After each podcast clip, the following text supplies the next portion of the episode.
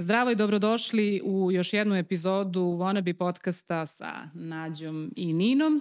E, pošto smo se obe ostvarile u ulozi majke, nama je bilo bitno da obradimo i temu žena kao majka i sve ono što majčinstvo donosi kao i u prethodnoj epizodi i ovu epizodu je podržao brand L'Oreal Paris koji je od uvek slavio uh, žene, uh, osnaživanje žena i pružao podršku ženama uh, kroz različite inicijative i aktivnosti širom sveta.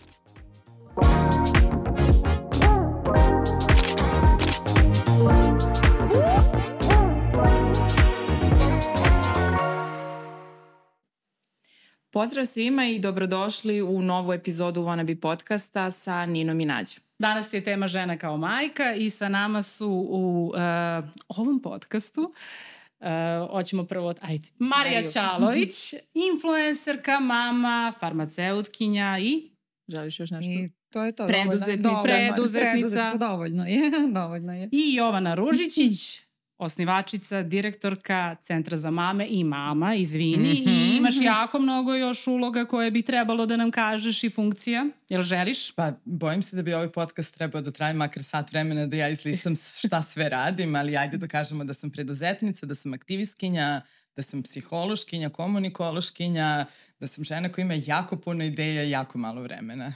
Pa, uh, ajde da krenemo prvo, uh, to smo pričale, da krenemo od uh, trudnoće same. Uh, kako, prva, ajmo od prve trudnoće. Prve. Prva. Bra, ajde, razlikuju se. Znate razlikuju i same. se, apsolutno. Apsolutno. Obe imate po dvoje dece i ja imam dvoje dece. Nađe ja jedno. jedno, ono se ne važi. Nju ne računamo.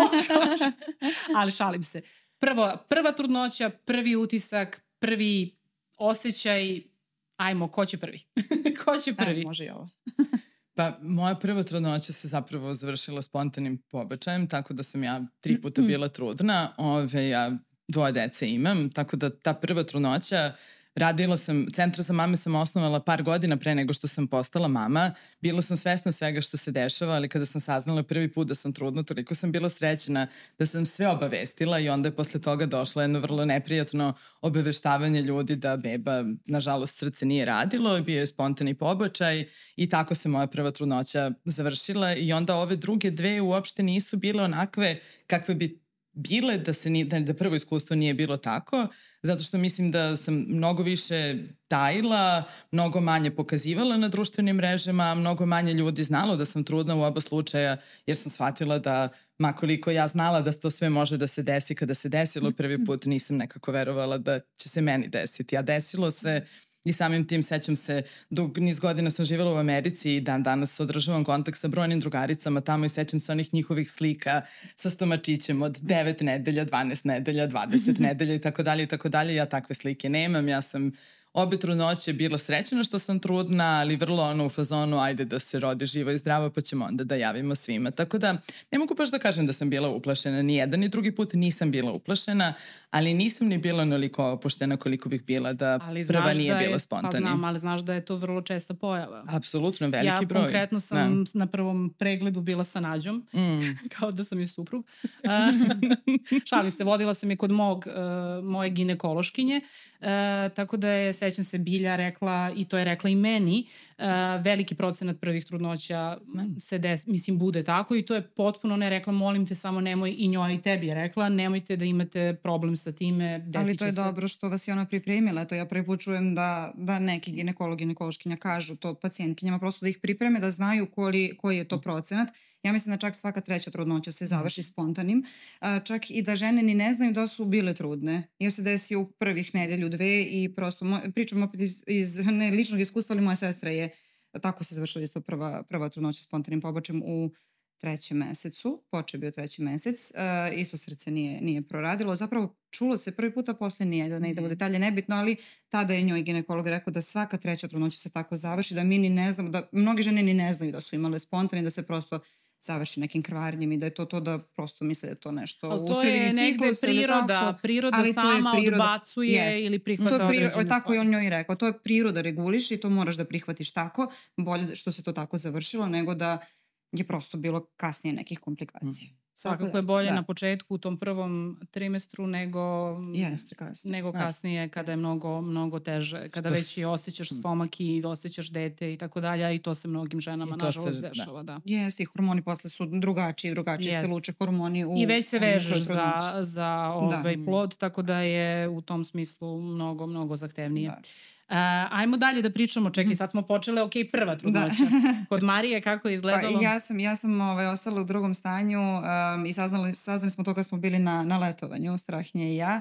Uh, mi tad nismo bili u braku, ali smo bili u vezi koja je bila 10 godina i bila pa veza i za nas i živeli smo zajedno, ali opet na, na Balkanu se to malo drugačije posmatra, pa je nama tu bilo kao izazovno kako sad mi to da kažemo našim roditeljima, kako ćemo sa to, ja se nadam da je to sad već, e, bilo je to pre sedam godina, da je sad drugačija situacija i mislim da jeste po našem okruženju, po svemu što se, što se dešava, da više to nije toliko tabu tema da žena ostane u drugom stanju pre nego što se uda.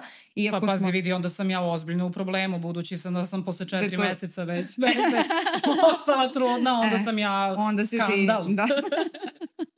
Um, mi nismo baš bili toliki skandal, ali je bilo kao, znaš, ajmo na brzinu da organizujemo svadbu, kao ne, neću na brzinu, hoću lepo svima da kažem. E onda se meni desilo neko krvarenje u tih mesec dana, pa smo onda organizovali svadbu i malo sam strepila da li će sve to biti kako treba, morala sam da odmaram. Uh, I već sam od početka bila oprezna, ali sam imala slike sa stomačićem, ne baš 9. 11. nedelja, ali sam ipak um, i, i tu želju sebi ispunila. Uživala sam stvarno u trudnoći. Ali, u prvoj ili drugoj? U prvoj. Uživala sam i u prvoj i drugoj, pričat ćemo sad drugačije, zato što u drugoj već imate jedno dete koje vam je, um, koje zavisi od vas, prosto zavisno je. Još je Vukan bio mali, razlika između njih je 16 meseci, tako da sam je relativno brzo ponovo posla ostala u drugom stanju. Pa bili ste aktivni, Marija. pa, uživali smo u životu ovaj, i uživamo i dalje. Ovaj, ali sam imala, uh, ajde da kažem, uh, komplikaciju posle, gde sam 40 dana pre porođaja ležala u bolnici, jer sam imala uh, kontrakcije porođajne u osmom mesecu. E, onda sam ja tu, to su opet bile neke stresne porodične okolnosti, opet kažu, stres utiče na sve, pa uticalo je i na to. Uh, pa sam od tih 40 dana pre porođaja bila u bolnici, tako da mi je taj deo već posle bio dosta komplikovaniji, ali do, ti, do tog perioda sam stvarno uživala. Desila se i svadba umeđu vremenu i sve smo to sve lepo, sve smo to završili. Sve. Da, nije bilo problem. Bio je ginekolog moj na, na svadbi, onda rekao, ajde odmori malo, samo sedi, ne moraš baš flašku da igraš. Odlično. E, da. Dobro. Ja moram da kažem za uh, u mom slučaju, pošto ovaj, kad mi se desilo nisam to planirala i onako sam bila jako iznenađena, a i pošto sam po prirodi moram reći control freak, pa onda sve se to nije desilo, ja to nisam da. planirala i sad je to meni bio jako veliki šok. Uh, ovaj, toliko da sam se baš onako žao mi je u stvari što sam možda tako odreagovala da. i što nisam, naravno to je prošlo nakon nekog vremena, ali nisam uživala u tom e, trenutku. Da. Nego sam više bila opterećena, jao i šta me sad čeka, moj život Zašto se menja, ali će moj život da stane. Mislim sad ovo pričam jer verujem da mnoge žene imaju slične yes. misli, možda ih ne izgovaraju, ja nemam problem da izgovorim, yes. nisam imala ni tad, pa su mislili da sam i depresivna i ne znam šta, da. u stvari sam samo bila um, se pitala šta će biti i kako će to da utiče na moj život jer bilo mi je lepo i sad odjednom treba sve da se preokrene. Yes. Ali bitna stvar ti si bila ipak u nekim zrelim godinama yes. za razliku. Jesam. Mislim, pazi sad koji je absurd. Ja sam bila prva u društvu 28 godina, a prva u društvu. Da, ja sam što je, 35, moja mama 35, je da. sa 28 i mene rodila da. i ona je bila već kasnila uveliko. Da. Mm -hmm. Pre, e. to, je, to se sve nekako se pomera granica i meni je bilo u tom smislu bez veze što mi izađemo, ja uhvatim, to sam baš pričala, ono, tri sata vremena između dojenja ili nečega da izađem u Fridu ili tako neki klub, kafić ili bilo šta. Sad reklamiramo, ali ne, ne znam ni da li postoji više. Uh, I one sve kasne uredno, mm -hmm. sve mhm. drugarice. Mm -hmm. Ove, ja, meni sat od kucava jer moram da se vratim i sedamo i one pričaju o izlascima i o momcima, naravno, koje su srele, upoznale i tako dalje i niko me ne pita kako mi je. Da. I meni je to bilo, i seća se posle tako jednog trećeg izlaska, one su mi pitala što ti nikad ne pričaš o bebi, o to, ja sam poslala šta da pričam, mislim, šta da vam pričam jer meni je stvarno bio šok stvarno mi je sve promenilo jer ja sam uredno sa stomakom, ja mislim, do poslednjeg trenutka izlazila. Mislim, maksimalno koliko sam mogla. Tako da bila sam full aktivna i jeste mi bila velika promena kada se... Jeste velika promena. Ja se sećam da, da su roditelji nama rekli ali dete menja sve. Jesu oni, on, ja sam bila, mi smo bili pr među prvima u našoj generaciji, mislim prvi u našoj generaciji, ja sam imala 25 godina kada sam ostala u drugom stanju, završila sam fakultet i upisala doktorski, bila sam tad u tom trenutku na doktorskim studijama. I, ovaj, ali oni kao da, nisu, kao da su mislili da mi nismo svesni. Mislim, nismo, nikad ni ne možeš da bude svestan da, dok to ne doživiš prosto koliko to menja sve iz korena, ali su mislili da nismo spremni da se sa tim uhvatimo u koštac, a zapravo jesmo. Mislim, već smo imali ozbiljne, mislim da je ozbiljne su godine, 25 godina, nego to, ne znam zašto se više to priča sad da je to, da, je, da, su, da, su, Pa, da smo ne. mladi, nisu više ljudi mladi, mislim, nije to toliko mlado, 25 godina, ranije su majke, što ti kažeš, oko koliko, 21, 2, to je možda Da. ali već te se menja sa 25-6 Pa godina dobro, i kad ti završiš ste vi bili neki... zreli i živeli ste i sami, pa, to da, verovatno to vuče ipak. verovatno i to, ali opet Ali jeste nekako redko, mi je... za vaše godište jeste redko. Sada jeste, ali mi je žao, ja bih stvarno voljela da ko je u mogućnosti, ko ima, ko, ko završi, ko, i mi smo imali posao i sve to, da, da prosto se... Pa pazi vidi, Deca. da li mi je žao ili ne, ne znam, ja bi nekako to da se prolongira. Pa Iz dobro. ove sada perspektive mogla sam još malo. Da izblejim još makar dve, tri, četiri godine izlazaka. Meni nekako bezbrižnih. sad dalo da je kod nas sve došlo na svoje mesto. Ja sam u jednom trenutku patila da što nismo dovoljno putovali i meni je to nekako ostalo kao nismo, nismo putovali jer kao sve ostalo možemo tu u zemlji, u gradu gde jesmo, ali kao ne možemo putovanja. Ali evo sad, mislim, ne, mi imamo 32-33 godine, oni su veliki, mogu da ostanu i žele da ostanu i sa babom i dedom i sa kim god mi odemo na putovanje 4-5 dana, vratimo se, tako da mislim da nismo propustili ne mnogo, nego nismo propustili ništa. Pa to ima, u perspektive. taman ćete u penziji, onda ćete najviše Da, da, da ćemo to da nadomestimo to još. Da nadomestite Yes. sve, pa ćemo Yes. svi na one kruzere da obilazimo, ovaj, da, sve što nismo obišli za Da. života. Sad kažem, neću nikad na kruzer, ali verovatno ću u tim godinama reći Da. idem na kruzer. Pa zato što je onako laganije. Da, Vidiš da. više gradova, a voziš se. Da. Jednim slow motionom, tako da ovaj, to je to. I eventualno ako hoćeš izađeš da vidiš grad. Kada A i ne moraš. negde. A i ne moraš. Možeš izdaleko. Lepo ti je na kruzeru. To. Ja sam moju decu rodila sa 35 i 37 i mislim da je to stvarno bilo za mene super vreme, jer je karijera bila na nekom svom putu da se nisam vratila na početak posle dece. Ja sam bila i zrela i finansijski spremna i spremna da se odreknem i izlazaka i da pauziram neke stvari koje sam volela. Jedna jedina stvar koja mi je onako, koja bi volela koja bi bila bolja da se ranije, da sam, da sam ranije rodila decu, su bil, bi bili mlađi roditelji, odnosno mlađe babe i dede, odnosno moji roditelji. Ja sam imala, nažalost, nesreću. Moja mama je imala moždani udar 9 dana pre nego što sam se ja porodila i mama je sad već 8 godina 100% nepokretna, ne hoda, ne priča i tako dalje i tako dalje. Naravno, to je moglo da se desi i 5 godina ranije, da. ali mi je jako žao što ona nije što ona nije imala priliku da se na taj način više druži sa unucima, da oni nju upoznaju drugačiju, koja je pokretna, koja priča, aj pravo da vam kažem i da, je, da sam je ja imala u tom periodu kad sam bila stvarno sama. Tako da po meni jedina mana imanja dece starije su stari roditelji, a sve ostalo Misliš starije baba i dede? starije Starije babe i dede, da, stariji moji roditelji, Ali dobro i roditelji, kada da. si stariji roditelj manje imaš snage za određene stvari. Ja mislim da meni ne manjka snage. Pa dobro, šta. te energije imaš što... šta.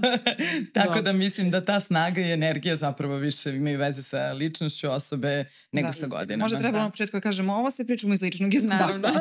Pa da, a nije stručno. Nije stručno. Ovo sve pričamo iz ovaj, ličnog iskustva, pa. iskustva. Pa mislim, negde Da. mislim da je i bitno da sve smo različite, svaka ima Tako je, svaka ima različito- i, i potrebe i različite, što Jest. kaže ona, i stepeni karijere i u kom si stadijumu života i zrelosti i svega, mislim, nije za, za svakog isto 25 godina. Ali evo kad smo pričali o tome o uživanju, na primjer, prva mi je bila potpuni šok, druga trudnoća, ja sam bukvalno, meni je bilo žao što je to dete izašlo iz stomaka. Znači, ali meni je toliko dobra energija bila sa njim da i posle on je stalno ležao na meni, on je meni lečio. Ja sam, nažalost, imala dva carska reza. Mislim, ne nažalost, tako je moralo. Ali, nažalost, sam morala da krenem da radim. To je deo koji je... Misliš, ono, nikad nismo prestale. To je, da. to je ono što sam, što sam ja krenula da pričam apropo Da. tru, trudnoće, što sam toliko bila fokusirana da mi posao ne ispašta zbog uh, trudnoće koju, koja mi se, jel te, tako Nađe neplanski slala desila. mailove iz uh, Porodilišta, da, da, bukvalno i bio A je sa mojom- PDV. ne, ne, ne, je PDV, PDV nakon ali- vakcinacije.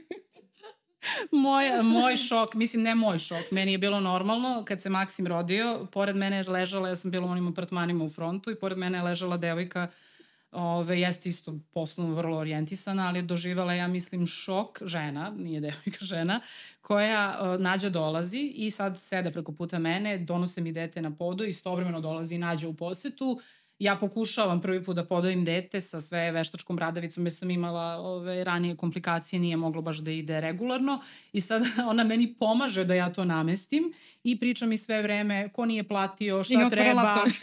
znači, ja, ta, taj, to je totalno jedan nadrealni trenutak i ova žena je, kad je Nađa izašla, ona je rekla kako vas dve radite ovako. Ja sam bila u pozonu, pa ne znam šta da je kažem. Kako moramo. Kako moramo.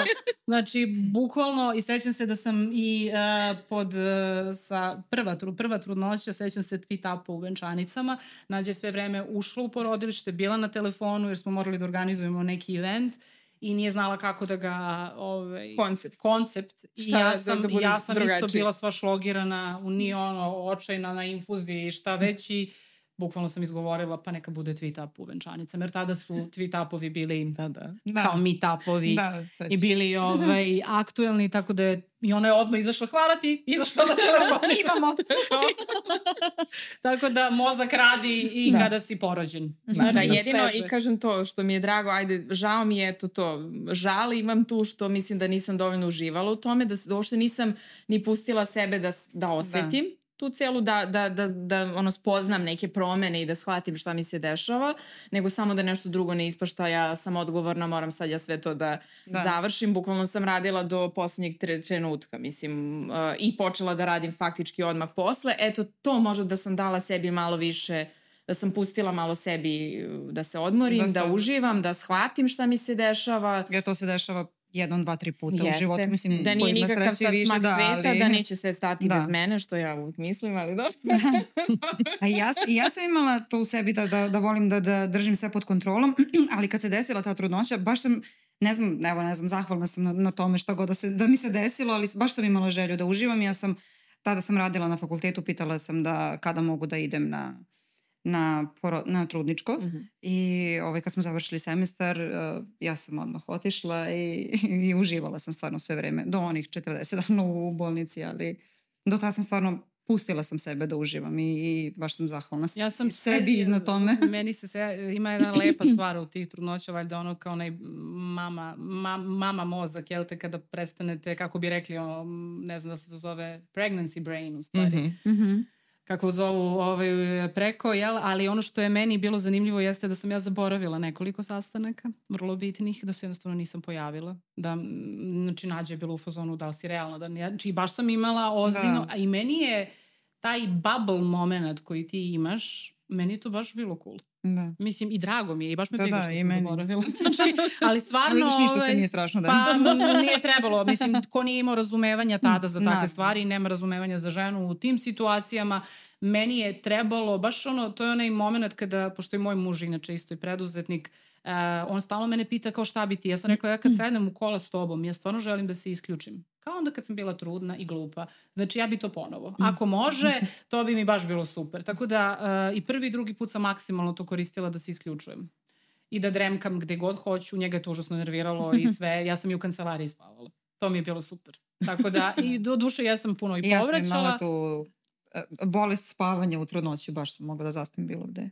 Pa, mislim, ali jednostavno mislim da je to ono valjda konekcija sa bebom, već hormoni rade svoje. Jeste, ali ja isto mislim da smo mi sve četiri ovde jako srećeni i privilegovane što smo mogle da yes. organizujemo, tako i što smo da. mogli da ponome što smo birale da se organizujemo. Da, ja sam isto do poslednjeg trenutka radila, nikad neću zaboraviti, prošao nam je neki projekat uh, Izvali su me iz eh, kancelarije državne sekretarke da se dogovorimo oko konferencije za medije, predlagali četvrtak, ja rekla pa ajmo u ponedeljak, ja pa znate ona u ponedeljak ima to i to, jel može četvrtak? Ja rekao, pa znate, meni je utorak termin za porođaj, ja četvrtak ne mogu da vam garantujem. Aha, u redu, Jovana, otkazat ćemo, neka bude ponedeljak. I tako je bio ponedeljak. Ko ja ne mogu da vam garantujem, ne mogu skočiti na noge i doći ovaj, sveže porođene. Ali u suštini to jeste privilegija. Prvo je privilegija da radimo poslove koje volimo i ja stvarno ne bi birala drugačiji profesionalni put nego ovaj na kom sam. Privilegija je da možemo ipak da se organizujemo i da odlučimo da li hoćemo, da li nećemo, da li ćemo 100% ili ćemo Da. 70 ili 30%, to je jedna stvarno, mislim, hvala ti živote što, što imamo tu privilegiju, ali da prepoznamo da, da smo u vrlo povlašćenoj poziciji. Naš četiri E, ovde. sad bi bilo Da. super ovde da pričamo malo i o ženama koje nisu u povlaćenoj poziciji, Mhm. koji je procenat... Većini. E, predivno, ajde sada. Ajmo Javila sada. si se za reč. Izvoli. Ne, meni, Pa ja ih, samo da. moram izvini da Mhm. napravim uvod, pošto uh, sam i šerovala sam to, um, ovo istraživanje koje ste radili vezano za Ekonomsko finansijski, nasilje. jeste, uopšte položaj žena, finansijsku tu nezavisnost bilo i kako je nama. Kada je ja čitala sam čitala pitanja- i onda sam njoj posle pričala i baš mi je bilo šokantno, ali svakako eto, s čime se ti susrećeš kakve su pro problematike žena, u kom mi društvu živimo, ajde Mhm. tako kažem, jer je stvarno jesmo, mislim da smo, mi smo negde osvestile da živimo u svom nekom uh, lepom svetu, da gde smo ono Dobro, ali mi smo, jednu stvar moram da Mhm. kažem, mi, ja sam radila da bi imala taj lep svet. Mhm. Nije mi baš došlo. Znači, ovaj, jesam ja sebi određene stvari omogućila i sama i jesam imala i podršku, ali sam mnogo toga sebi sama stvorila. Tako da u tom smislu ne mu kažem da sam full privilegovana, ja sam, ne znam šta znači full privilegovan kada dobiješ nešto ili ti je Mhm. dato, Mhm. nasleđeno, znači Mhm. jednostavno po defaultu dato ili si ga sam stvorio i Pa, stekao. ja mislim da se više odnosi na to da smo samo prosto iz porodica koje su nas možda podržale i da Naravno. naše okruženje je... Naravno. Nas je podržalo, da. Jasno. Mislim- Mislim, prvorođene smo zdrave za početak, Da. okružene Da. zdravom porodicom. Imali smo priliku da rastemo u porodicama koje su verovatno cijenile obrazovanje, jer među nama imamo gomilu završenih visokih škola. Imali smo mogućnosti da idemo možda da razvijamo talente, da vidimo gde smo, šta smo. Dakle, nije privilegija, samo nasledila sam milijardu, a od te milijarde napravila četiri, što je svakako isto za poštovanje. Kamo sreće bude Ka, tamo. da, niko od nas ne dolazi, niko od nas ne dolazi definitivno odatle. Što se, u kom svetu živimo, mene zapravo za pokretanje Centra za mame ove, su motivisala iskustva mojih drugarica, koje ja sam po, centar pokrenula nekoliko godina pre nego što sam postala mama, ali taj prvi krug drugarica koje su ostale u drugom stanju, gotovo su sve dobile otkaze, gotovo su se sve tresle čitave trudnoće, da li će ih dočekati posao posle porodiljskog i tako dalje i tako dalje. I prvobitna ideja zapravo Centra za mame koja evo već traje već 11 godina, mi već 11 godina imamo besplatno pravno savjetovalište o zakonu o radu, E, to savjetovalište radi već 11 godina, pišu nam žene iz čitave Srbije putem maila, e, advokatice i advokati, volonteri odgovaraju na ta pitanja i na taj način mame upoznajemo sa koje su im prava. Kako smo krenuli o tome da pričamo, tako su i ovi blanko otkazi kojih se možda sećate, koji su i dalje sadašnjost, ali u jako maloj meri. Ne. Ali pre 10 godina, ako si žena u reproduktivnom dobu, gotovo da je bilo standardno kada potpisuješ ugovor o radu, da potpisuješ i blanko otkaz koji poslodavac samo popuni kada ostaneš u drugom stanju i onda ispadne da si sama dala otkaz, a čik ti reci u potpisivanju ugovora za posao da ti to nećeš da potpišeš i jel ti šta će se onda desiti. Dakle, radna diskriminacija žena oko materinstva je bila tema koja je mene motivisala da pokrenem opšte centar za mame, a onda su se nekako teme dodavale i dodavale i još uvek se dodaju i još uvek mi radimo tek 20-30% stvari koje bi ja želela da radimo, ali Centar za mame je volonterska organizacija, moj tim imamo, imamo 50 volonterki i po nekoliko volontera, radimo zaista puno toga. Imamo Mama SOS liniju za, li- liniju za besplatnu emotivnu podršku mamama, To meni već- treba. To svakoj mami treba ponekad. Svakoj mami treba jedna neosuđujuća linija gde će te neko čuti, gde te neće osuditi kada kažeš nešto što nije afirmativno za materinstvo, što nije afirmativno za tvoju ulogu mame.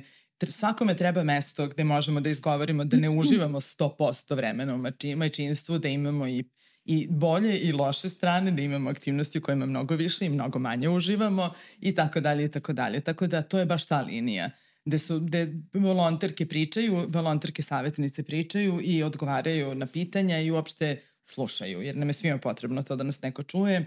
Već više od decenije organizujemo bazare Mama preduzetnica, sledeći će da bude poslednjeg vikenda u novembru i 1. u decembru u Delta City i u Beo shopping centru, to su nam, evo sad to mogu da najavim. Imamo razne kampanje koje se tiču uh, dobrobiti mama, borimo se za bolje zakone, već godinama se bovim, barim, bavimo zakonom o finansijskoj podršci porodici sa decom, od toga da se borimo da žene bolje mogu da usklađuju svoje radno vreme sa, rodi, sa roditeljstvovanjem do toga da zakoni to prate i u suštini se borimo jesmo organizacija koja se zalaže na nivou čitavog društva za bolji tretman žena.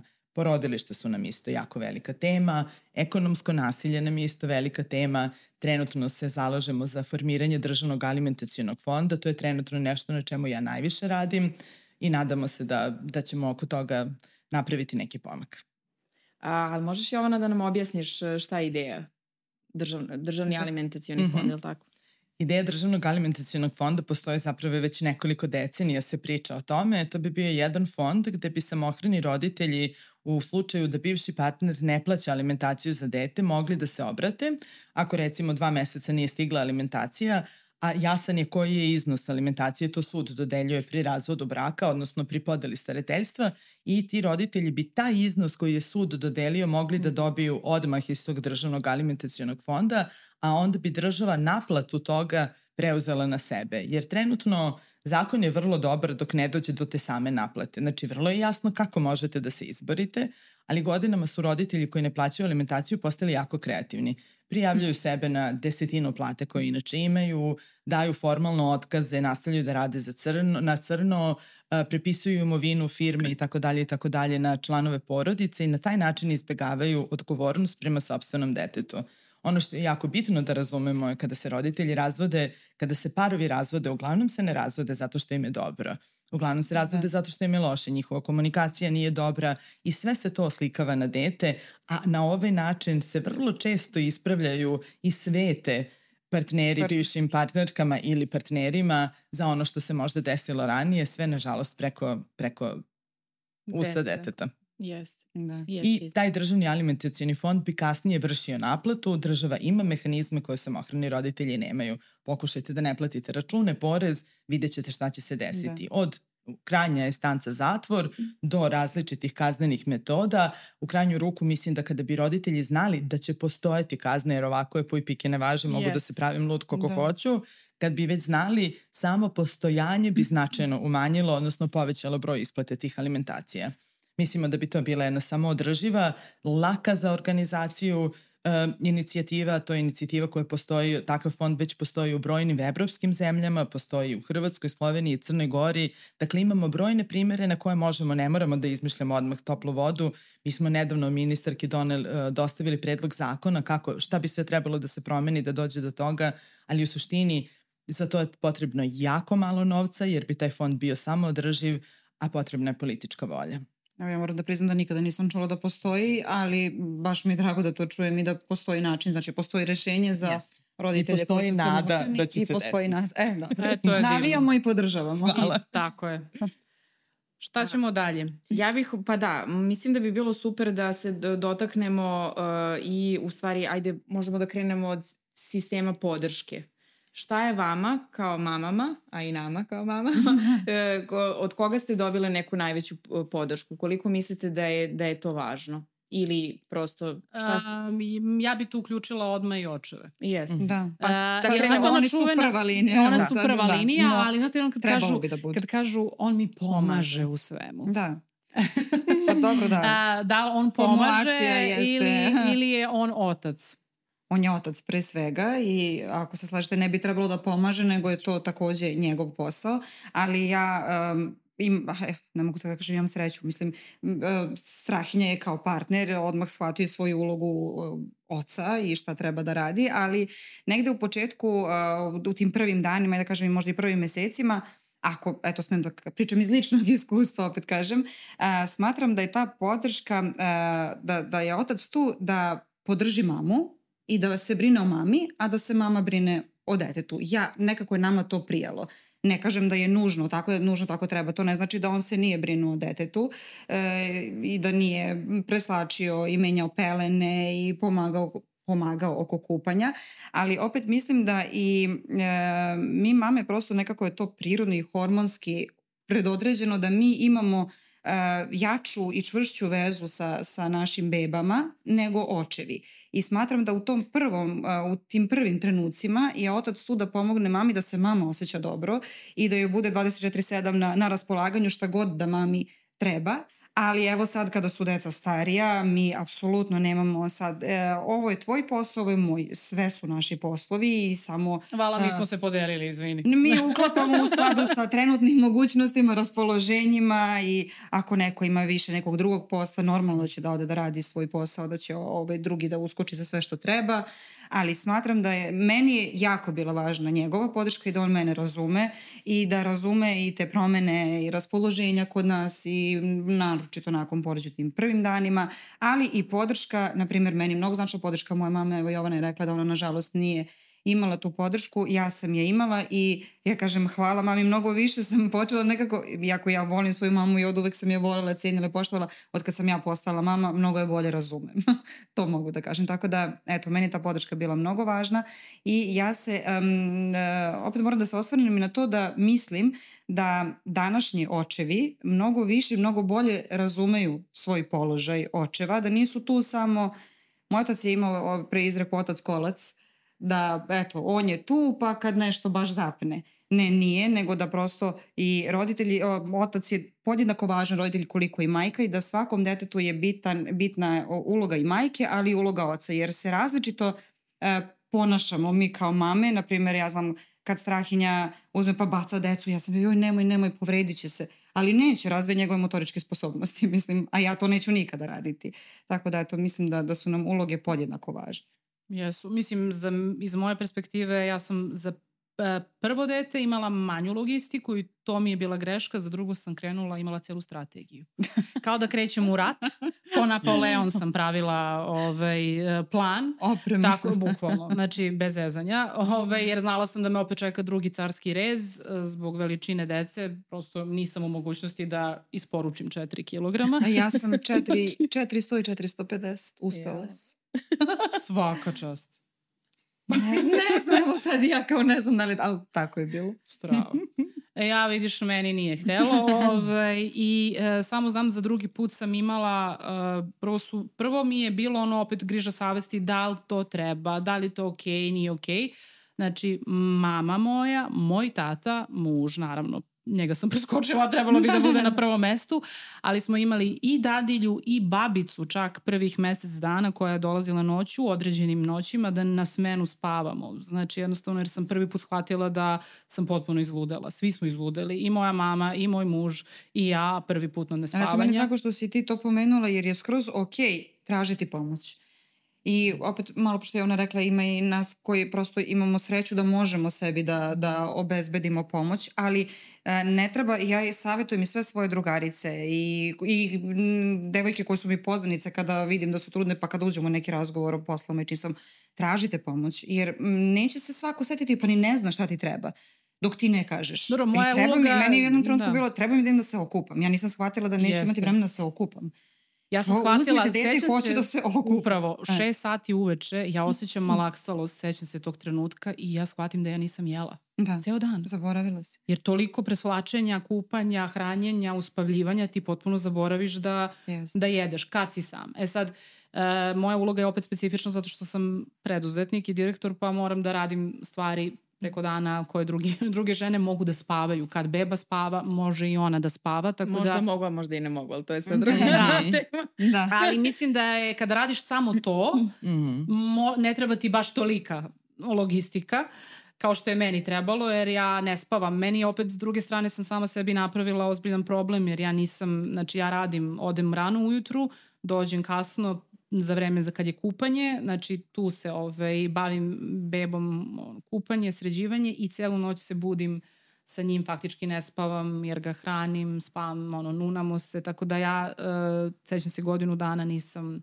sa njim uopšte spavala i to je to, ono, bukvalno sam bila, konstantno spavala sam u, ovim, u kancelariji, u, u kolima, na svakom semaforu, u garaži. Znači, svašta je, e, momenti kada ono samo skapiram da moram, spustim sedište i, ovaj, i dremnem, to mi je bio, ali me sve vreme ozbiljno radio adrenalin od količine stresa i posla koje sam mm. Da. imala, a on mi je opet uveče bio, ono, stavim ga na stomak, ima tu lepu Terapije. energiju, terapica i onda zajedno možemo da meditiramo. I onda je čak jedno, kad je malo porastao i kad je počeo da priča, rekao je, mama, pusti meditaciju. Znači, onda nas dvoje pustimo meditaciju zajedno i on legne I to je ta energija, kažem, zato mi je bilo super dok je bio u da. stomaku. Da. Imao je predivnu energiju, tako mi je bilo toplo i fino. I bila sam full iskulirana i volila bi da mi se vrati kao ponovo. Sad je momak, bukvalno. Znači, iako ima šest godina, nekako se razvio i više me ne registruje na isti način i više nema maženja to je isto bez veze deo, tako da ne znam, kao, znači stvarno je bez veze. Ali bukvalno, kao, M se, uh, imaš taj moment pre, mnogo ti je lepo super i nekako ti to njihovo maženje nadomešćuje sve problematike i, i nekako se topiš stalno i onda samo to odjednom, ćao, mama dvojka si. Nisam još stigla do Nije. pa ne bi. Ali ja već jesam da. uveliko, pogotovo kod čerke koja ima 10 godina. No dobro. Da, ja bih um, da kažem nešto izvolite. za podršku. Ja stvarno ono sad iz perspektive nekoga koje je uvek bio fokusiran na posao i uvek, da ne kažem, opterećen time, ali to mi je nekako bilo prioritetno, vrlo pri, prilično. Ne znam kako bi, mislim, ne bi sigurno mogla sve to da iznesem da nisam imala upravo tu po, podršku. Podršku sa svih strana. Ja nisam imala tako dobru organizaciju kao Nina, ona je to... Drugi put. Masterirala. Drugi put.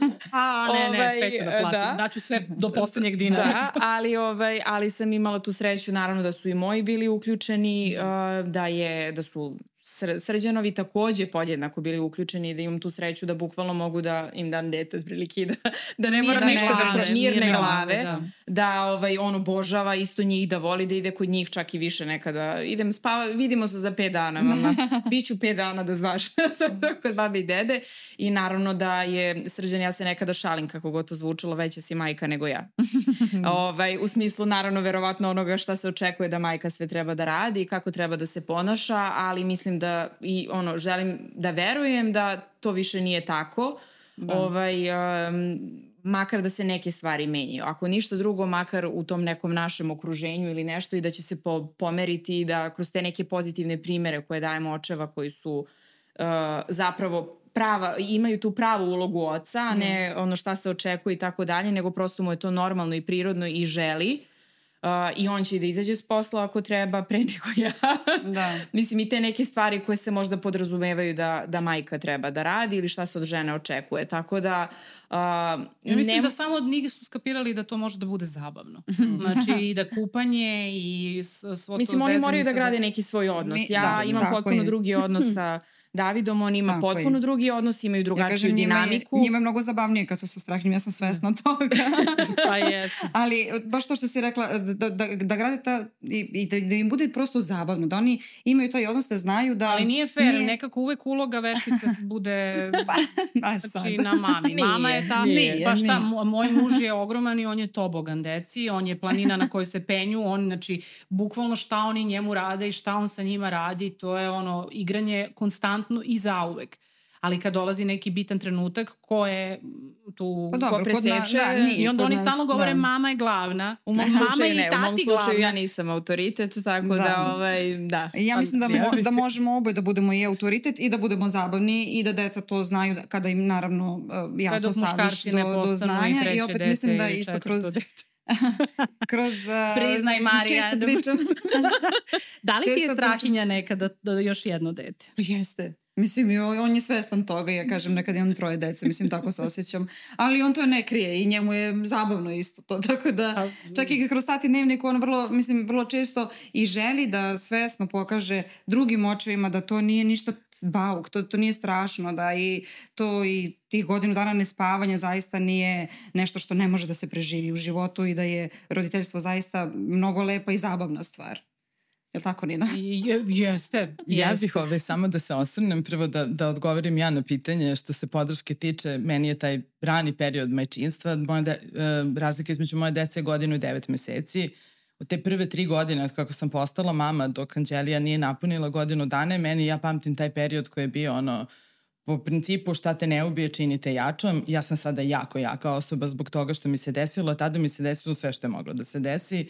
Količina problema, uh, neću iskoristiti drugu reč koja nije lepa i nije za podcast ove, i svega što mi se izdešavalo u tom ranom ali, počine na s ove, Ove, količina svega što mi se izdešavalo u tom prvom periodu je zaista bilo onako, sada kada, sada kada ove, gledam na to, želim samo sebe da zagrlim i da kažem Joco, mega si carica što si isplivala iz svega i što si ovde desi danas. Ove, stvarno, meni taj period bio onako ne, ne sama deca, mislim, deca su, deca su fenomenalna, ali od, mamin, od maminog moždanog udara koji ja mislim da je samo pokrenuo lavinu ono, one reči na s, da. ove, koje su se izdešavali u porodici, u odnosima i tako dalje i tako dalje. Tako da ta podrška je užasno, užasno bitna.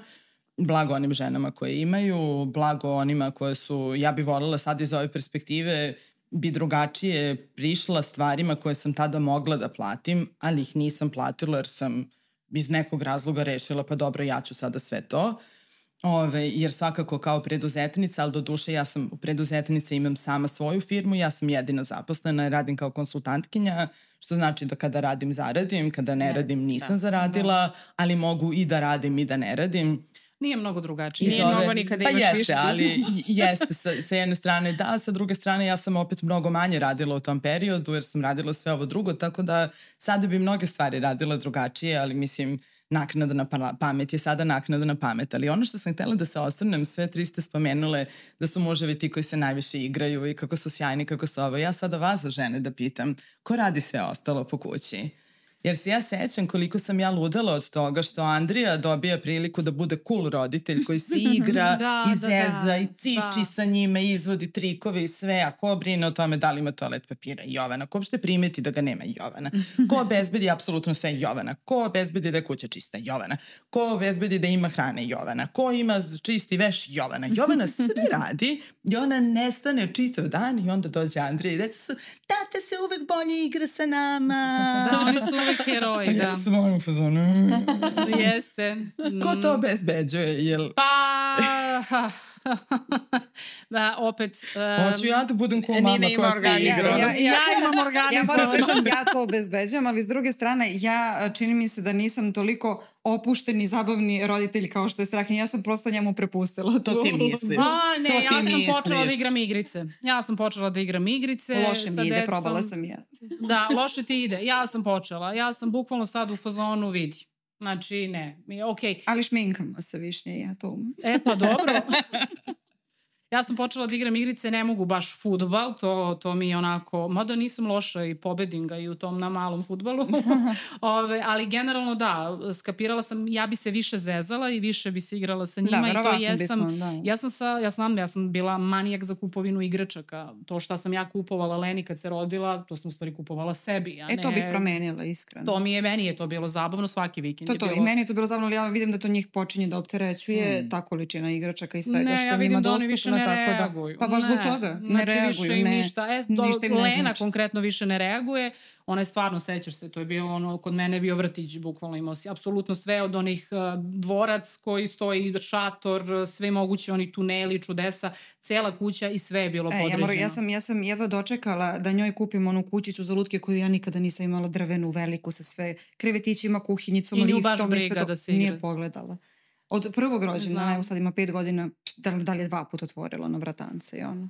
Više sam se ja igrala nego Ja sam htjela Jovana da te pitam još vezano za to, uh, ono što si spomenula, ajde to, da se vratimo na to da smo privilegovane, sigurno mm -hmm. da jesmo, mm -hmm. kako god si to shvatalo, ali ako možeš da nam samo, mislim da bi drugim ženama značilo možda su neki u našoj situaciji, neki nisu, neki su upravo u toj mm -hmm drugoj poziciji, e, da li se stvari menjaju? A vi kad ste krenuli do dan danas, kakva je situacija? E, s kojim problemima se mame javljaju? Da li se menjaju stvari u smislu uključenja očeva? Mm -hmm. Da li mhm. ove mlađe generacije to dru, dru, drugačije vide? Eto, to bih onako voljela. Mene lično stvarno interesuje, mm -hmm. kao što mi ono istraživanje interesovalo. ali to istraživanje nismo do kraja još. Nismo spomenuli, ali doći ćemo sigurno i do, i do toga, jer je mm -hmm. meni mhm. bilo šokantno, ali eto, čisto da podeliš sa nama nešto što misliš da bi možda značilo drugim ženama, jer možda će, mislim, možda će im biti lakše kada znaju da, da ni njihovo vas, mm -hmm. situacija takva, a možda će ove druge koje su u boljoj poziciji ceniti više i shvatiti mm -hmm. u stvari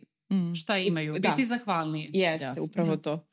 Ja mislim da situacija što se majčinstva tiče se menja vrlo, vrlo polako, zato što imamo da logistiku životnu koja treba da se promeni, ali ono u suštini što treba da se promeni su vrednosti, a vrednosti se najteže menjaju. i najduže menjaju. Mi živimo u jednom patrijarhalnom sistemu koji vrlo jasno propisuje koja je uloga mame, koja je uloga oca. Mi dolazimo iz istorije patrijarhalnog sistema. Čitava naša istorija je takva. Dakle, nije nije lako menjati kulturu. To su, de, to su više decenijske borbe i više decenijski napori da se vide mali pokreti i male, male promene. Mislim da što se javnog prostora i majčinstva tiče da su se tu stvari možda najviše promenile i to nekako ako mogu da izaberem jednu stvar na koju sam najviše ponosna što je Centar za mame postigao, mislim da smo vrlo igrali značajnu ulogu u promenu diskursa u javnosti o materinstvu. Jer pre nego što smo mi krenuli da se bavimo ovom temom, kada biste u javnosti pričali o mamama, uglavnom bismo pričali u kontekstu koja se poznata ličnost porodila, koja je poznata pevačica, da li je ovo, da li je ono, onda ona tu priča da je to najlepše iskustvo na čitavom svetu. Koja Uglavnom se slika la, la, la, la, slik, i, Ima i toga, naravno, ali ona priča o tome kako je to fenomenalno i iza toga se ne vidi, iza takvog teksta ili gostovanja se ne vidi e, količina ljudi koji pomaže da ona može to sve da bude i da dalje bude ovakva i onakva i tako dalje i tako dalje. A sada mislim da su se mnogo više promenile i proširile teme kada u javnosti pričamo o materinstvu, pričamo o nekim drugim stvarima, pričamo ranije, osjećala sam, još uvek postoji simplifikacija mama, da se mi svodimo na to da smo mame, mi smo mnogo više od toga, mi smo bile svašta pre nego što smo postale mame i, i dalje smo sve to isto, plus smo mame, a nekako još uvek je veliki pritisak da ako si mama, to je ono što te određuje, tvoje, to je da. tvoja, ajde glavna, ali to je tvoja jedina uloga, problem je sa tim da je to jedina uloga. Tako da mislim da stvari idu na bolje, ali da će potrebati još dugo, no, dugo, no. dugo, dugo, dugo da ove stvari koje mi sada radimo, da ćemo nek naše kćerke možda osetiti neku korist od toga, a unuke zapravo stvarnu korist od toga. Na primjeru porodilišta možemo da vidimo kako je to zaista i koliko se to teško menja. Ono što je specifično za porodilišta, naša istraživanja pokazuju da svaka deseta žena u Srbiji nikada više ne želi da postane mama samo zbog iskustva koje je imala u porodilištu ono što je, ove, što je specifično za sva porodilišta je da su svi pacijenti pacijentkinje. Nije takva situacija u svakoj bolnici u Srbiji. Ono što čujemo iz porodilišta je vrlo usko vezano za to da se tamo porađaju žene i da naš doživlje žene šta ona treba da radi u tom jednom vrlo emotivnom momentu, u toj jednoj, u, u, u, u trenutku kada se čitav život novi rađa, kada se ona rađa kao mama, naše očekivanja kako ona treba da se ponaša i način na koji ženu tretiramo se vrlo malo promenio u posljednjih puno, puno godina. Ja se sećam, moja mama je voljela da priča kako sam ja jedina beba koja su pravili babice frizuru u porodilištu i kako se ona lako porodila i kako je to njoj bilo fenomenalno iskustvo dok su se na ženu pored nje drali i rekli joj nisi se drala dok si ono, a evo sad se ovde dereš, što je, mi i dan danas čujemo istu tu rečenicu iz porodilišta. Dakle, dan danas, a ja sam rođena pre 42 godine. Moja mama voli da ističe kako sam ja, kako je to iskustvo bilo divno i kako sam la la la la, a vrlo često je zaboravljala da pomene da je moj deda bio vrlo ugledna osoba u Pančevu gde sam se ja rodila, da su svi znali čija je ona i da je ona bila jednostavno kćerka tog i tog. I da, I da nije ona slučaj. samo, nisam ja baš bila toliko slatka beba da su samo meni babice pravile frizuricu, nego sam ja bila unuka i to prva. I sa te strane mislim da je ove, da se, da se jako malo toga promenilo što se recimo porodilišta tiče. Mislim da su se, što se radnih odnosa tiče, da su se tu stvari negde promenile. Ali ovaj zakon o finansijskoj podršci porodici sa decom sa kojim se bavimo jedna od stvari za koje se zalažemo je da žena ima garantovana primanja koje je imala pre porodiljskog, ove, da, im, da ih ima i tokom čitavog porodiljskog, što sada nije, što nije slučaj. Ona zapravo nema ni zagarantovan minimalac. Dakle, imamo žene koje tokom porodiljskog primaju 17.000 dinara, 12.000 dinara, 24.000 dinara i tako dalje i tako dalje. A on, zašto je to bitno? To je jako bitno jer se u tom u, tom, u tih prvih godinu dana kada se rodila beba, rodila se i mama. Tada se stvara nova dinamika u kući. Ako polazimo od toga da mama nema sobstveni novac na koji može da se oslani, onda mama malo više preuzima poslova, a onda je jako teško izaći iz tog začaranog kruga gde ona sve radi. Puno se priča o tome šta će povećati natalitet. Brojne svetske studije pokazuju da dete više ne dolazi da je potrebna sreća da biste došli do deteta. Ranije smo mislili da je dete plus partner jednako sreća. A sada znamo da je partner plus, de, plus sreća jednako dete. Da je potrebno da se ta žena osjeća dobro. A da mi radimo u suštini kao društvo vrlo malo na tome da se mama osjeća dobro. I to je, postoje razne ove inicijative, svaki put kada dolaze izbori se povećaju i roditeljski dodaci, povećaju se državna finansijska davanja za bebe i tako dalje i tako dalje. Ja mislim da je to pogrešan način. Ajde da podržimo mame, jer će mame koje se osjećaju dobro da rađaju više deca, a to je, kažu, cilj.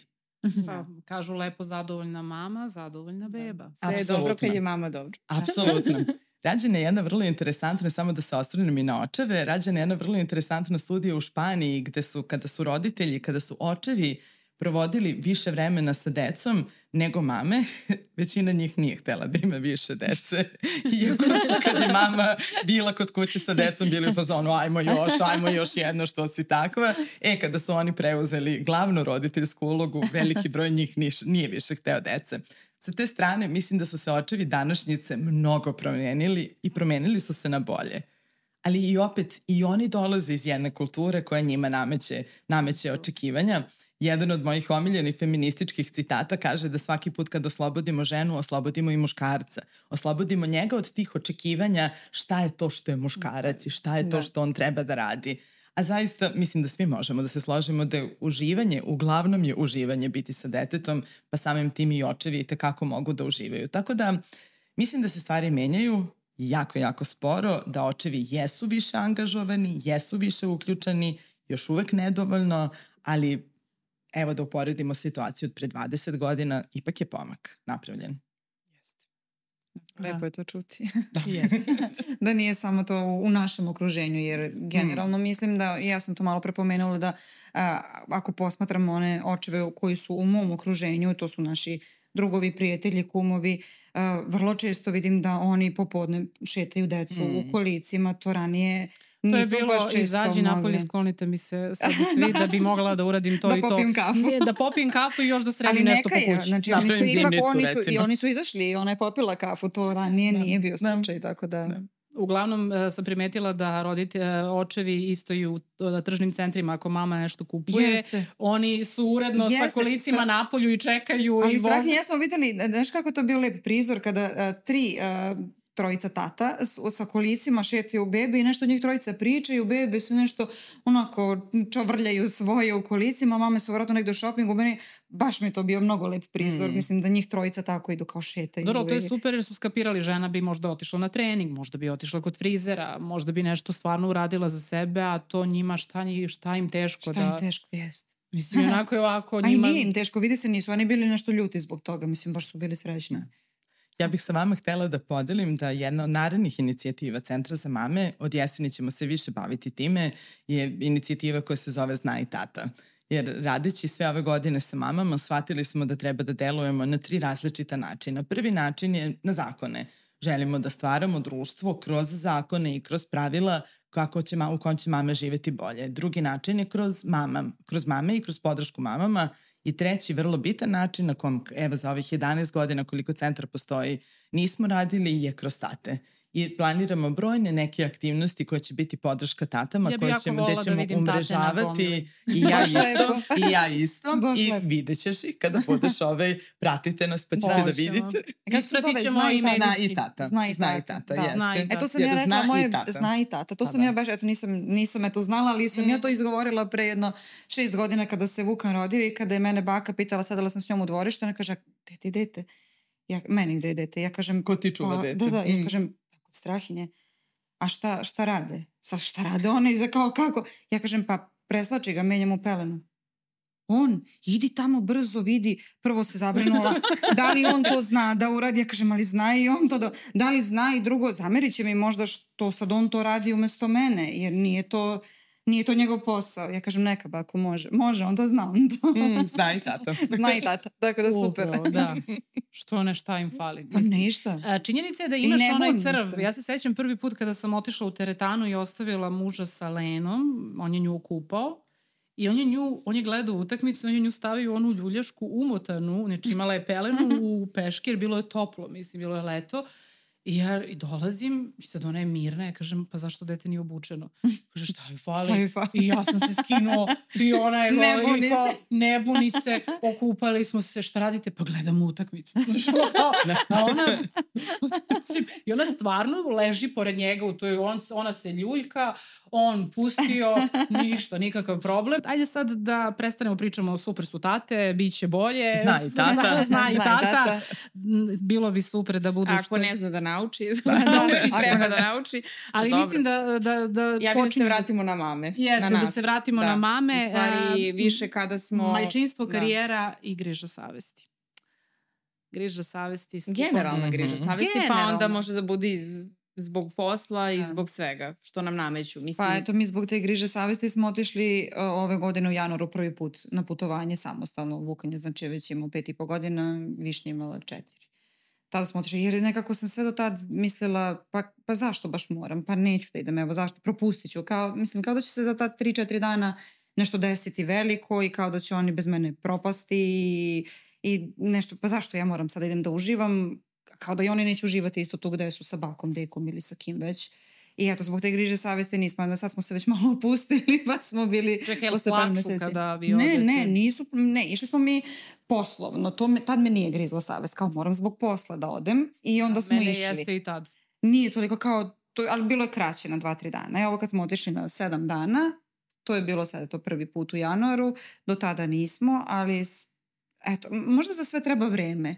Ne znam, možda mi je vreme pomoglo da me više ne grize savest. U početku jeste, možda ne bih mogla ništa ne promeniti. Ako sam bila svesna toga da to možda nije okej, nije bilo vreme da, da odem. Mislim, ne znam. Nekako ja dosta sad uh, vreme ubacujem u celu tu priču i u korelaciju. Svakome od nas treba vreme za nešto, da se navikne na novu ulogu, da se navikne na nov način života, na nove članove porodice i sve to. Eto, možda meni toliko bilo potrebno. Mm, Opet kažem, ne kajem se što nisam išla, samo sam posle to shvatila da mogu da pustim i da prepustim decu drugima i da ja mogu da uživam i da to nije ništa strašno i da ne Ali- radim ništa loše nikome time što ja uživam. Ali imate onaj moment kada odete ili odu oni, ne znam, sad odvojite se i prvo si u fazonu yes, a onda fazon sledeći dan, no, ono plače ti se nedostaju, ti gledaš slike kad su bili mali, počinjem da šaljem slike, pa da onda me zanima i ono sebe kočim, neću da zovem da pitam šta rade, kako su i tako dalje. Znači ono, Ja iskreno ne, čak tad kada smo bili na putu, Strahinja je to pre uradio nego ja i onda sam se u trenutku osjetila loše, kao, je, bože, da li sam dobra majka, zašto ja to nisam osetila, jer je on počeo da liste pokazuje. Da. Ja sam bila u fazonu, lepo mi je. Da, moram da kažem apropo toga, ja sam ovaj, srđano rekla jednom, a što tebi, pošto njegova mama nama šalje kad je kod njih slike stalno šta ko radi, to ja vidim, meni na primjer nije. Ne šalje. Srđan mi pokazuje, ja došla uveče s posla, on mi kaže, vidi ovo, ja kažem, a što meni ona nikad ne šalje? I kao, što sad kao tebi šalje, a meni ne šalje? I ovaj, kaže, pa možda zato što ja Jer ja pitam kako je on. nezainteresovan. možda zato- I ja rekao, dobro. Ja rekao, dobro, ok, nema veze, ja kad sam. radim, radim. To je to, šta da vam kažem. Ali, ok, mislim, kako da kažem, nije mi blam toga. Mislim, Pa, možda će se mislim, rekao, ali- što se kaže, identifikovati s tim i to je ok. Ali mislim Ovaj, da moraš da presečeš. Moraš, ali Da. što sam Da. htjela još da kažem, Mhm. ko je meni, nab mislim, nabacivao, ja ne krivim, mislim, neće gledati ovaj podcast, pa neće znati šta sam rekla, ali, Ali moja majka. joj neko. Ne, ne znam. Ona je meni Poslaće imala te neke link. momente zato što mislim ne krivim je zato što mislim da je njoj to usađeno. Jako je Da. ona obrazovana i uh, moji roditelji su mislim visoko obrazovani i sve to, ali prosto jednostavno ako si ti naviko na nešto i ako smatraš da je nešto prirodno i normalno i onda ona Uh, eto, mislim, bukvalno sam imala situacije koje naravno, mislim, bukvalno me rasplaču jer ne mogu da verujem da mi ona to govori Da. ili da mi šalju poruci, jel? Da, da. da, ovaj, kao otprilike kad mi kaže onako imaš li ti dete, i- ideš li kući, hoćeš li, završavaš li više s tim poslom, gde si, gde Da. je dete, šta je radio, ja kao nemam pojma. Da. Mislim, znam Pa, da mu je e, dobro, ali ne znam. I onda je to u tim tre, trenucima kada ti neko ko ti je blizak ne može da razume, to Mhm. isto je... Mislim, ne, najbolje, e, pa mislim ja da je sam- vrhunac, samo još ovo da ispričam apropo tvoje, mi, nas, nas četiri majke smo se zamisli drznule da odemo za njen 40. rođendan sad u Istru na čitava dva dana. A, stvar koju je moja mama izgovorila kad smo se vratili, ako me je pogledala, znači zamrznuta faca. Mhm, kako vam je bilo? Mhm, dobro, vas četiri ste majke. Sada bi trebale da počete... Ne razumem. Kao, kakve, ja sam joj rekla, daj molim te. I onda je skapirala šta je rekla. Znači ona je bukvalno osudila odlazak Da. na, bismo sad već matore, znači nije više kao nemam bebu koju dojim kući, uh, Katarina ima bukvalno odraslog sina, znači kao vas četiri ste majke. Pa eto, ja se nadam da niko neće ni moj mami poslati link, ali mislim i ja sam ima. Mislim, slično iskustvo zato što uh, kada negde idemo, ona pita kada se vraćate. E, da, da, to je da, prvo. to kada, I ja već imam pritisak jer ja još nisam otišla. Ja imam u podsvesti to da treba da se vratim. Da. I već ne mogu da uživam. A kada sam otišla sa kumom, isto sad pre par meseci, prvi put smo nas dve otišle posle 7-8 godina negde same, ona je pitala zbog čega idete?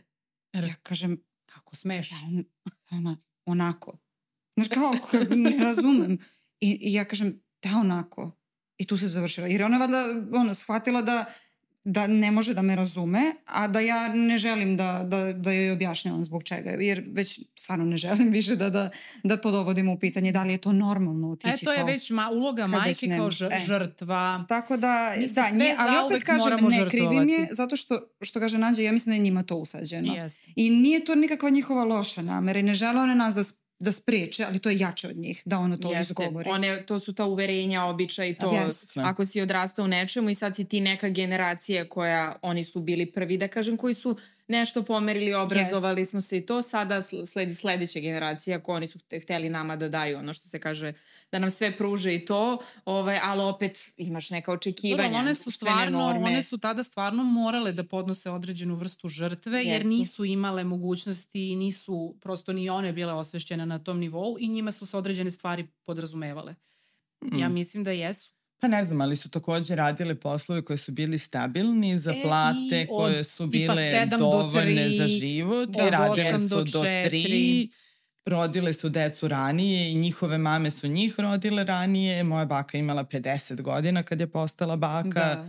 I imali su moji, moja mama koju podršku imala i koju sam ja podršku imala su potpuno dve, dva različita iskustva. Od toga da je imala baku do toga da je imala stabilan posao sa platom od koje je moglo da se živi. Jedan posao, isto je visoko obrazovana, ali završila je, nikada nije radila posle u tri kada se Da, završi, je posao to je da gotov. kada- Ne postoji Jeste, opcija da. ideš na sastanak uveče, ne postoji opcija da radiš Otvoriš uveče. kompjuter, mail i to. su radili u isto vreme kada i oni, škole su radile kao i one, sve škole su imale drevni boravak i tako dalje i tako dalje. Bio je jedan sistem koji je ipak bio malo više podržavajući za život jedne porodice. A trenutno ja ne znam nikoga ko radi do tri, ne znam Da. ni jedan vrtić koji radi do vremena kada je potrebno roditeljima i onda se nada, onda stvarno ne znaš šta je gore, odnosno šta je bolje. Jeste. Da imaš dovoljno novca da platiš, a onda ne provodiš vreme sa sobstvenim detetom ili da nemaš i onda ne možeš ni da radiš i da zaradiš dovoljno. Znači to je jedan onako jedna žurka. Ozbiljna ša- šah-mat se, konstantno. ono što se nije promenilo je da je i tada, a i sada mama glavna koja treba da smisli kako sve to da se Da, da, desi. da.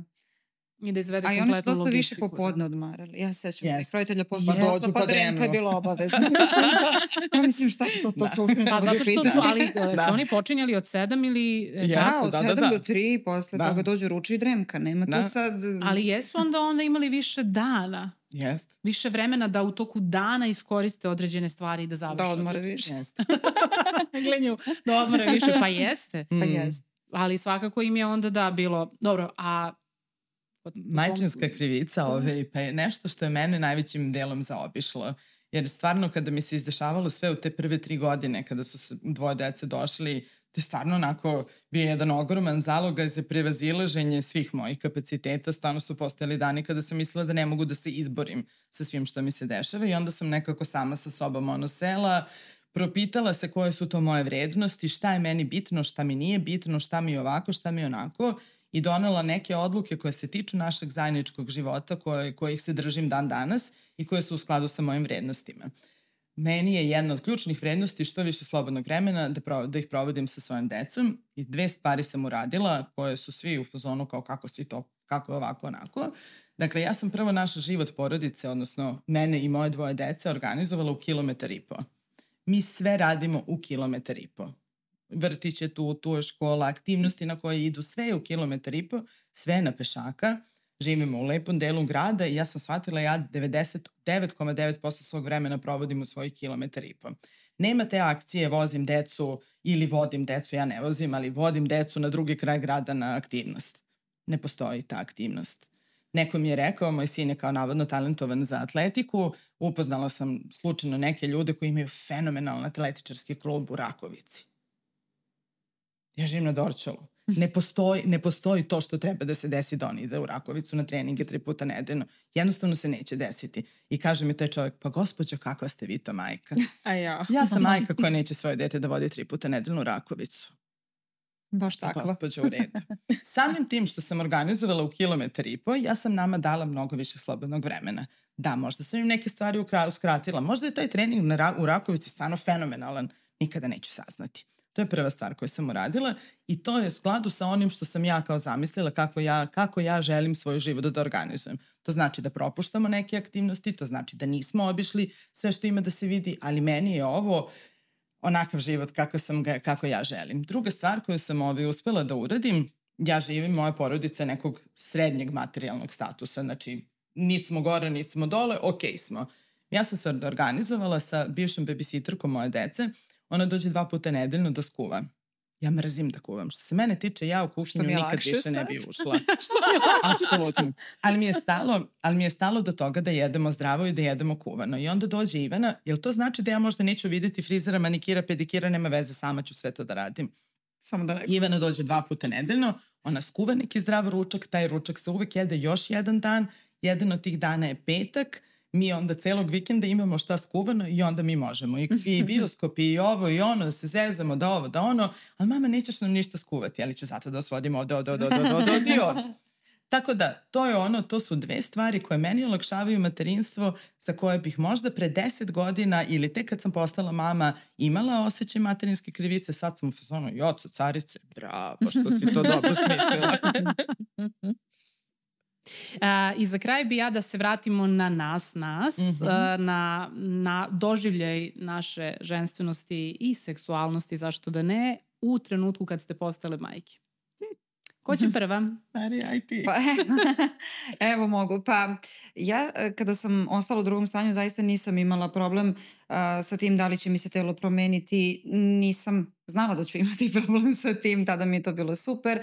Onda se vrlo brzo desila i druga trudnoća, tako da se meni telo maltene nešto nije ni, ni posebno vraćam, da sam se ja nešto sad trudila da prosto pustila sam to i druga trudnoća se desila i dojanje i sve to.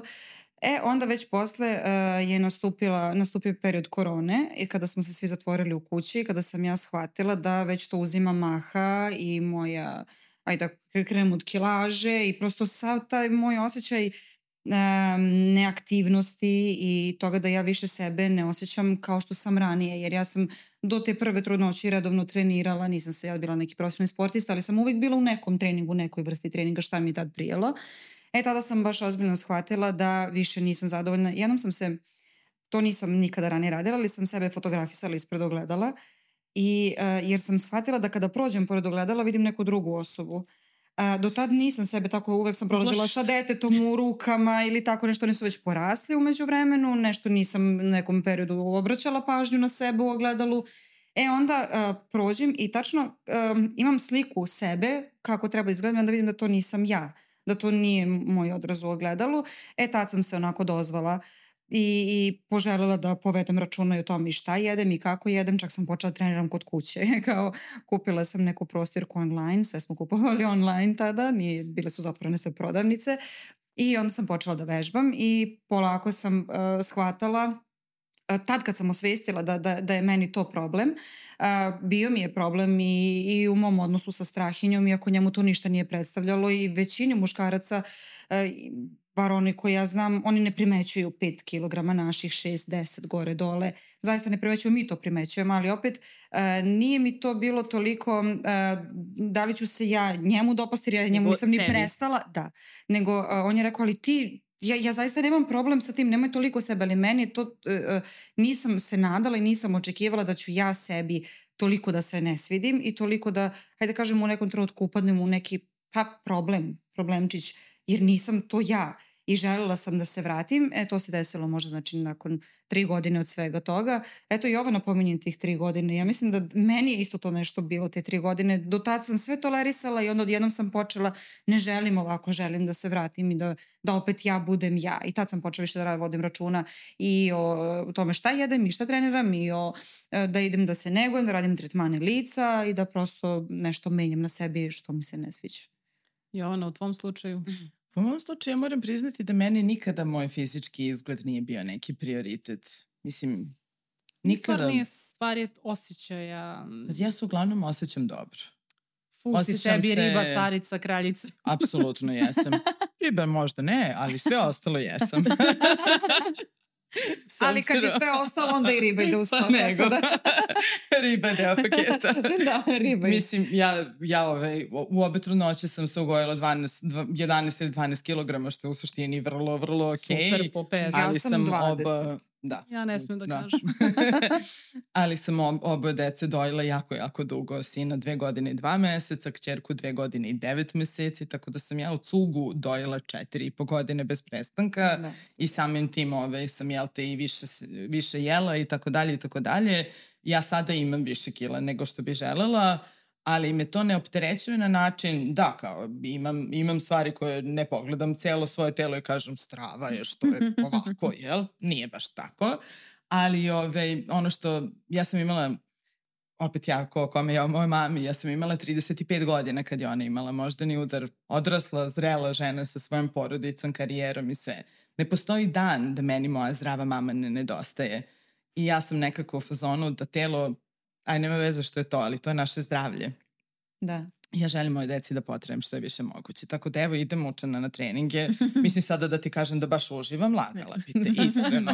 Ali sam to prihvatila kao ono, ovo mora da se desi, ne uživam ni u čišćenju kuće, a opet je čistim. E, ovo mi je u toj kategoriji. Mora se, pa šta se mora, nije teško. Planiram da malkice se, malkice promenim izgled svog tela, ne toliko tog da li ću se, ja se osjećam lepo i ja mislim sam ja mega carica, koliko god kila imala, ja sam sa sobom u miru jednom skroz okej. Top. Ali jesam u fazonu da ovolika, bole me leđa kad se vratim, ne mogu ovo, ne mogu, nisam više onako kako bi mogla, što naravno dolazi i sa, i sa godinama, dolazi i sa kilogramima, naravno. Ja sam ove, hoću da uradim sve što mogu da moje deci potrebam što je duže moguće, jer znam koliko, koliko, će koliko im trebam. Pa ništa, ja vam se zahvaljujem na ovom razgovoru. Ovo je bilo, obe ste bile mega carice. Hvala. I Baš- vas dve isto, ste A. mega carice. Mega, mega. Ja, divno, hvala vam. Ništa, ja bi da s ovim podcastom završimo sada i da vam se još jednom zahvalimo i da pozovem uh, drage dame da nam uh, komentarišu slobodno, da kažu ako im se nešto ne sviđa i stvari koje... I im- ako se ne slažu, i ako se slažu i da podele svoje iskustvo, da. Mi smo pričale prilično lično i onako vrlo otvoreno, bez uh, nikakve zadrške, tako da ja se nadam da ćete shvatiti sve ovo kao pozitivnu Da. stvar. Tako da, eto, hvala još jednom i pozdrav do sledećeg podcasta. Ćao. Ćao. Ćao.